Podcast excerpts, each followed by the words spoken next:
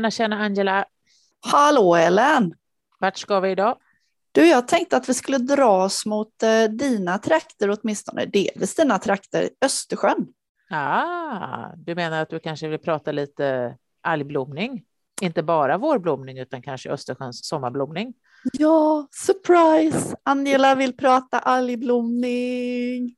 Ja, men då får du göra det, tycker jag.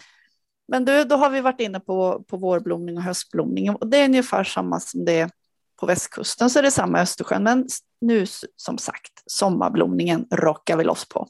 Och på sommaren så är ju näringsämnena, framförallt kväve, slut, för det har gått åt i vårblomningen. Och då får vi ju inga mer algblomningar, men då kan vi få en så kallad cyanobakterieblomning i Östersjön. Ja, och, det... och den, den är ju faktiskt ganska rolig. Den brukar komma lagom till Almedalsveckan på Gotland. Den brukar alltid pricka in sig så att den orsakar mesta möjliga störning vid eh, campingplatser och eh, andra kustnära badställen med mycket turister. Man kan nästan tro att det är medvetet, men det är det ju inte. Nej, det är det inte. Och jag har ju kräkts på det här med mördaralger och alger som anfaller cyanobakterier nu då i det här fallet som då får gå under den benämningen, under algblomningsbenämningen. Men eh, även med de här blomningarna så är det, de är ju i grunden något bra, men just dessa sommarblomningar blir så utbredda att de, när de bryts ner, då orsakar syrebrist på bottnarna under respirationen när bakterierna ska ta hand om dem. För djurplankton äter dem, ja, men de hinner inte med. Nej, jag tänkte säga det, det, är ju, det blir ju så otroligt mycket. Men de får ju då, eftersom det är slut på kväve i vattnet, så är det väl just det här att cyanobakterierna faktiskt tar sitt kväve från luften istället och där är det i princip oändligt mycket kväve. Luften mm. innehåller ju 79 procent kväve. Så för en cyanobakterie så är det alltså inte kvävet som begränsar dem alls. Nej, en sanning med modifikation, för alla cyanobakterier fixerar inte luftens kväve, så en del behöver faktiskt kväve från vattnet. Men de som är så otroligt framgångsrika i Östersjön i den här stora sommarblomningen, de har de här speciella egenskaperna att de kan använda luftens kväve och fixera det, så att de i sig gödslar Östersjön med kväve. Ah, så de tar alltså binder in kväve till Östersjön, så de bidrar till övergödningen kan man säga? Japp. Och vi ska vara ändå rättvisa för att vi har ungefär 85 miljoner människor som bor i Östersjöns avrinningsområde och allt som vi människor släpper ut genom avlopp, eh, att vi gödslar skogar, vi gödslar våra åkrar, kväve och fosfor rinner ut. Alltså det är ju vi som är orsaken till den här övergödningen. Det är ju inte cyanobakterierna. Nej, för jag tänker att cyanobakteriernas gödning måste ju ändå vara den, den naturliga gödningen. Men när vi pratar övergödning så är det just att det har blivit för mycket. Det har rubbat balansen. Det tycker jag är utmärkt eh, ut, väl uttryckt. Men eh, jag förstår att du är väldigt nyfiken nu på vilka arter det är som hänger i Östersjön på sommaren. Ja, jag är en art. Vilka är det mer? vi har ju om vi börjar med den som är giftig som heter Nodularia spumigena. Och den har ju då det svenska högst felaktiga namnet katthårsalg. Vi vet ju nu att det inte är en alg, det är en cyanobakterie, men katthår, ja den har lite morrhår när man tittar på den i mikroskop. Ah, det där det har kommit ifrån. Och jag är ju nu hysteriskt intresserad av de här alggifterna och cyanobakteriegifterna, men vi, jag lämnar dem en liten stund för nodularia. Den har för övrigt det, det coola namnet nodlarin, det här giftet. Ah. Så det är bra, lätt att komma ihåg. Men sen har vi Dolicospermum. Och Dolicospermum är ett släkte där man inte riktigt har hundra koll i Östersjön på hur många olika arter som finns i detta. Tidigare så hette just det här släktet Annabena. Ah, det är de! Det. Ja. Jag undrade just vad de tog vägen, för de lärde jag mig när jag pluggade på 90-talet och sen har jag inte hört någonting om dem. Då var det de som blev de, man bytte namn helt enkelt. Ja, bytte och bytte, man har delat upp dem så att Annabena är för, släktet Annabena är nu företrädesvis i sjöar medan den då arten som lever eller arterna som lever i Östersjön går under släktnamnet Dolicospermum. Sen kan man säkerligen av och till även hitta Annabena temporärt i Östersjön. Och så tar vi Aphanisomenon. Vilket, vilket härligt underbara namn. Aphanisomenon är alldeles underbart, särskilt att skriva. Mm. Och en tungvrickare också kan jag nog tycka. En fotosyntetiserande organism. Ja. Och afanisomenon, äh, afanisomenon floss aqua är väl den som är, man nog ändå har enats som faktiskt finns i Östersjön företrädesvis. Men det finns ett, ett SP här också då, att det finns flera arter under släktet afanisomenon. Så vi har inte ett sådär hundraprocentig koll på, på artnivån här, inte hundra procent, men vi närmar oss. Men om vi tittar funktionalitet, ja, men då har vi de här tre stora, nu kallar vi dem för tre arter, dominerande arter, varav det i Östersjön är just nodularia som är giftig. Så det är alltså av de här tre olika cyanobakterierna som man pratar om när det är algblomning på sommaren, så är det bara en som är giftig. Mm. Och då måste jag säga det igen, i Östersjön. För de kan vara giftiga, de som finns i sjöar. Ah. Så om man stöter på namnet i en sjö så betyder det inte att den är ogiftig då, om det är en afanisomenon till exempel. Och sen är det inte så att alla arter inom ett släkte bildar gifter, men vi får leva med det helt enkelt tills vidare. Och tar vi då nodularin, det här gift som nodulariaspemigerna producerar, så är det ett hepatotoxin, hepatotoxin till och med, och det är ett levergift. Så att aj, det skadar aj. vår lever, ja. Men om du nu skulle få en kallsup så spelar det absolut ingen roll. Du får ta och sätta dig och holka i dig ett antal liter för att få en akut gifteffekt. Ja, för att det brukar vara, vi får ju oftast frågor till tångbloggen bland annat på sommaren. Kan jag bada i vattnet och när vet jag om det är giftigt? Och vi brukar ha som riktlinje att gå ut till knäna och kan du inte se fötterna så ska du inte bada. Men det är också, vill du bada om det är så grumligt? Nej, alltså man, det, det kan ju se ut som en rabarbersoppa för de här de flyter ju upp till ytan. Det betyder faktiskt inte att de är döda, även om de har en orange färg när de normalt har en blågrön färg, utan de ändrar också sin färgsättning efter ljuset. Så det är mycket solljus så blir de mer orangea. Men när de sen även tappar den här orangea färgen och blir bleka, då är de döende. Men giftet finns kvar i dem. Alltså giftet kan vi inte förstöra. Det hjälper inte om vi tar en mikrovågsugn, det hjälper inte om vi kokar. Alltså vad vi än gör så är det här ett, ett väldigt stabilt gift. Men generellt också så ska vi inte dricka vatten från Östersjön. Nej, men vem vill dricka vatten från Östersjön? Nej, så. det vill man inte. Man kräks väl efter en deciliter oavsett om det är giftalger eller inte. Ja. Eller giftcyanobakterier. Ja, men, men precis. Men hur som helst så, så är det så här att hundar ger sig på och dricker, ju äckligare desto bättre, i alla fall min hund. Och eh, husdjur, alltså kor som betar i närheten kan ju också få i sig stora mängder. Och sen beror det ju på återigen då, hur stor kroppsmassa har man för att kunna ta hand om det här. Så en liten hund är mer känslig än en stor hund för samma mängd vatten. Så att, alltså försiktighetsprincipen, ja. Sen ska man ju inte måla fan på väggen, ursäkta uttrycket här, men vi ska inte skrämma upp människor för att åh, man ska inte bada i Östersjön när man ser en algblomning. Nej, men man behöver kanske inte låta sina spädbarn sitta och skvalpa i, i vattenbrynet och få i sig en det ena och en det andra, för de har ju också en liten, de är mer känsliga, en liten kroppsmassa. Sen brukar jag också bara som en liten passus att ibland så blandar folk upp algblomning med när tallen släpper sitt pollen. Och på östkusten så är ju skärgården här i Stockholm i alla fall väldigt eh, trädbeväxt. Det är ju inte riktigt ett problem på västkusten, där är det kala klippor. Men här är det otroligt mycket växtlighet ovanför ytan och då kan det ligga, folk tror att det är algblomning, men då är det tallpollen och det är det här gula pulvret. Så det, man ska inte bli rädd i onödan. Skulle man ha en, en bra lupp med sig då eller ett mikroskop så ser just de här tallpollen ut som musspigg. Mm, de är jättesöta. Jag förstår inte varför inte fler fritidsseglare har ett mikroskop ombord på sin lilla båt. Det är ett måste. Det väl självklart. Har de inte det menar du? Nej, jag tror inte alla har det. Jag är chockerad. Då slår vi ett slag för ta med ditt mikroskop när du seglar. Vi vet att du har det. Men du, nu tänker jag så här. Eh, nu blir jag nyfiken på att du sa att, att de här vissa arter kunde vara giftiga i sötvatten. Kan vi prata lite sjöar också? Det ska vi göra. Jag vill bara först berätta att det är så här att det här är inga nya företeelser i Östersjön, utan om vi tittar på, på sedimentet, det talar jag om mycket, det vet, du vet så här när man ska ta kol-14-metoder och allt möjligt för att bestämma ålder. Om vi tittar på Östersjöns sediment så kan vi också se att algblomningar, alltså riktigt rejäla algblomningar fanns redan för 8000 år sedan dokumenterat. Så Inget att, nytt under isen? Nej, men de har ökat i omfattning och de har ökat i frekvens. och de verkar också öka med att vi har en temperaturhöjning i Östersjön. Alltså de här pågående klimatförändringarna som orsakar av människan gör att vi också får stå ut med mer av de här algblomningarna. Du menar att Cyanobakterieblomningarna. Mm. Du ser, det är så himla lätt att snubbla här. Ja. Du menar att vi får ta en konsekvens av vårt handlande?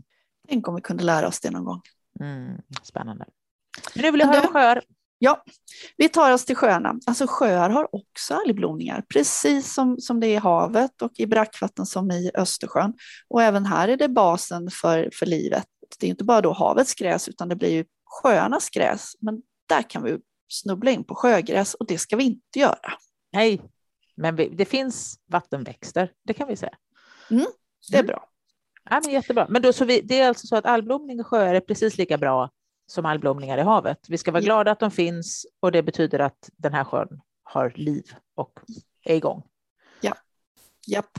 definitivt. Sen så är det så att vi har ju övervakning av algblomningar i havet, men vi har också övervakning av algblomningar i sjöar. Men då är det så att man framförallt fokuserar på badvatten. Ah, så man tittar man... inte efter vårblomningen och ser att den är bra, utan man tittar bara på sommaren där för att människan inte ska få i sig gift? Då.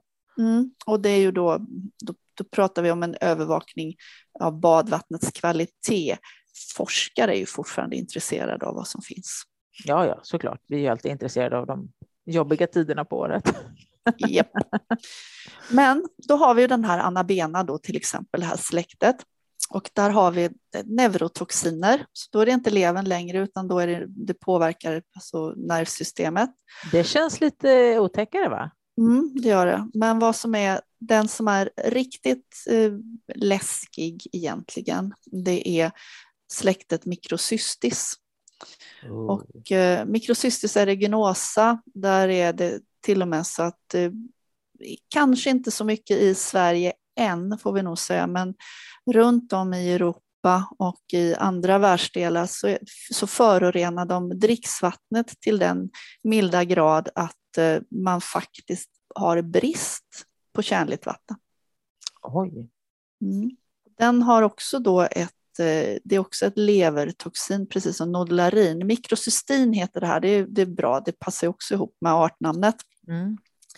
Så mikrocystin och nodularin är närbesläktade levergifter. Och eh, mikrocystis kan orsaka omfattande skador och eh, inte bara att människor och djur dör, utan det är ju även stora ekonomiska kostnader för att det är väldigt, väldigt svårt att rena vattnet från de här cyanobakterierna. Jag tänkte precis fråga, för man tänker sig att ett gift, liksom, ja, man, man kan koka eller man kan ta något mekaniskt filter eller någonting, men cyanobakterier är otroligt små. Det är ju det de är och då är det de här alltså är riktigt små. Vi talar om, om enstaka mikrometer, men sen så bildar de kolonier och då kan man se att det blir, blir mer. Alltså, då ser man färgen. När vi nu talade, som vi sa, en definition på en cyanobakterieblomning eller algblomning var att man såg en färgskiftning i vattnet. Mm. De här hänger ihop, de kan hänga ihop i ganska stora kolonier då, och då blir de ännu mer synliga. Så då är det, det, är, så det är bättre att låta dem blomma på ordentligt så man faktiskt kan få grepp på dem så att säga. Ja, och sen det förekommer att man försöker eh, utveckla olika typer av sensorer för att snabbt få en indikation på blomningarna så att den inte är igång är jätteomfattande innan man kan gå ut med varningar att man då inte ska använda det här som dricksvatten om det är en brunn eller en dricksvattentäkt. Då. För då tänkte jag fråga, men det måste väl ändå vara så att det är öppna vattentäkter i så fall, för de måste ju fortfarande ha ljus. Så mm. det här är ju absolut ingen fara om man har en, en sluten brunn, en grundvattenbrunn eller någonting. Nej, nej, nej, det är bra, bra påpekande. Nej, det är fotosyntetiserande organismer. Absolut, eh, och de, de kräver ljus och de här, de vill också gärna ha det lite varmt. Så är det kallt så får vi ingen stor blomning av de här mikrocystis så då kan vi säga att det som är bra med en kall sommar, det är att vattenkvaliteten blir bättre. Yep. Alltid mm. något att vara tacksam för. Jajamän. Sen finns det flera släkten av cyanobakterier också då i sötvatten, i sjöar och andra vattendrag som också är potentiellt giftiga. Då har vi oscillatoria, oscillatoria säger man ibland då. Oscillatoria sancta är en sån här som har påvisats eh, giftig i sötvatten och planktotrix som har det underbara, det är därför jag måste prata om denna, mm. Plankto, Planktotrix agardii. Okej, okay. Planktotrix, ja det låter ju som att det är vår gamla algeologkollega Agard som har varit här och fått ge namn. Jajamän. Och, Men jag tycker ju faktiskt att Planktotrix låter ju någonting som Asterix Obelix. Ja, och det är riktigt tungvrickare. Ja. Planktotrix agardi. Ja, men det är, det är lite ett gött namn ändå. Och den här har bildar också mikrocystin då, så att den kan, vara, den kan vara riktigt giftig, men det är också kan man få symptom som klåda och den kan vara allergiframkallande. Så att går man i vatten och man får, du vet, att det kliar och det är i sjöar. Annars kan det klia av salt också. Mm. Men eh, då ska man vara försiktig och då behöver man inte bada där. Det behöver inte vara att det är cyanobakteriegifter, men det kan vara det. Det finns ju små djur, små snäckdjur också som kan orsaka klåda, att de irriterar huden. Ja, men då är det bäst att gå upp och ta en dusch helt enkelt. Ja, det är det. I, i inte samma vatten. Sen har vi en som tillhör ett helt annat algsläkte, rafidofyter eller rafidofyser. Nålflagellater säger man på svenska. De finns i havet också. Men den som jag tycker är lite cool, som jag vill prata med dig om, det är en som heter Goniostomum semen. Hoppsan, då tänker jag så här, semen på latin. Yes. Översätt det till svenska du bara. Ja, ja, nej, jag tänker att jag, jag vet ju vilken all du pratar med semen är alltså sperma. Mm. Eller slem. Slem till och med, precis. Ja. Så det här är det, det riktiga svenska namnet på den här är gubbslem. Så där ja. Och eh, den har ökat i omfattning i våra sjöar under sommarhalvåret och den det som är fascinerande med den, och det hör man på namnet, det är att, att badar du den här, där den här finns så blir du alldeles slemmig. Det är som snorslemmigt, alltså det är ordentligt. Usch. Ja. det känns ju inte riktigt trevligt. Men i rättvisans namn tycker jag vi får, har vi pratat om surt kärringhår så måste vi prata om gubbslem. Ja, det känns, känns ju helt rättvist. Och eh, den är ju mikroskopisk då och den har två flageller precis som dinoflagellaten hade. Den mm. kan alltså röra sig med sina flageller och eh, den fotosyntetiserar. Så på dagen så håller de sig nära ytan för att få, få solenergi och sen så när det blir mörkt då, då tar de hjälp av sina flageller och så simmar de ner till en kyligare sjöbotten och där tar de upp näring. Så de positionerar sig där det är som bäst för dem. Aha, det där var ju lite smart. Och då får du också en transport av näring från botten, lös näring på botten upp till ytan så att säga. Så att yep. de som behöver näringen och äter det i, flag, i, i de här, för de äts väl, gissningsvis är det kopepoder som äter dem också. Ja, just det. det. Djurplankton. Ja. Mm. Jajamän. Och sen det, alltså det här slemmet då, det är att när gubbslem stöter emot någonting så reagerar cellerna genom att de liksom exploderar och så slänger de ut slemtrådar. Och det är en sorts försvarsmekanism som man då tolkar som att det är ett sätt att eh, skydda sig mot att bli uppäten. Men exploderar hela cellen? Experiment. Nej, eh, utan de släpper ut de här slemtrådarna, då, så de okay. dör inte av det. Nej, för det lät som hela liksom, självmordsbombare ja, ja, det var lite dumt. Ja, nej, men de, de, de, de släpper ut en, ett försvar som liksom puffar upp så. Mm. Och det här ja. har man sett i laboratorier och verifierat genom experiment. Och den, den, den är liksom så att man kan få då hundratusentals av de här slemtrådarna som en hinna på huden. Och det är inte farligt på något sätt, men det kan ju då orsaka en hudirritation eller klåda och det är ju allmänt otrevligt. Så det kan vara bra. Så vet man att man är allergisk mot gubbslem så ska man alltså kanske inte bada i sjöar när det är blomning.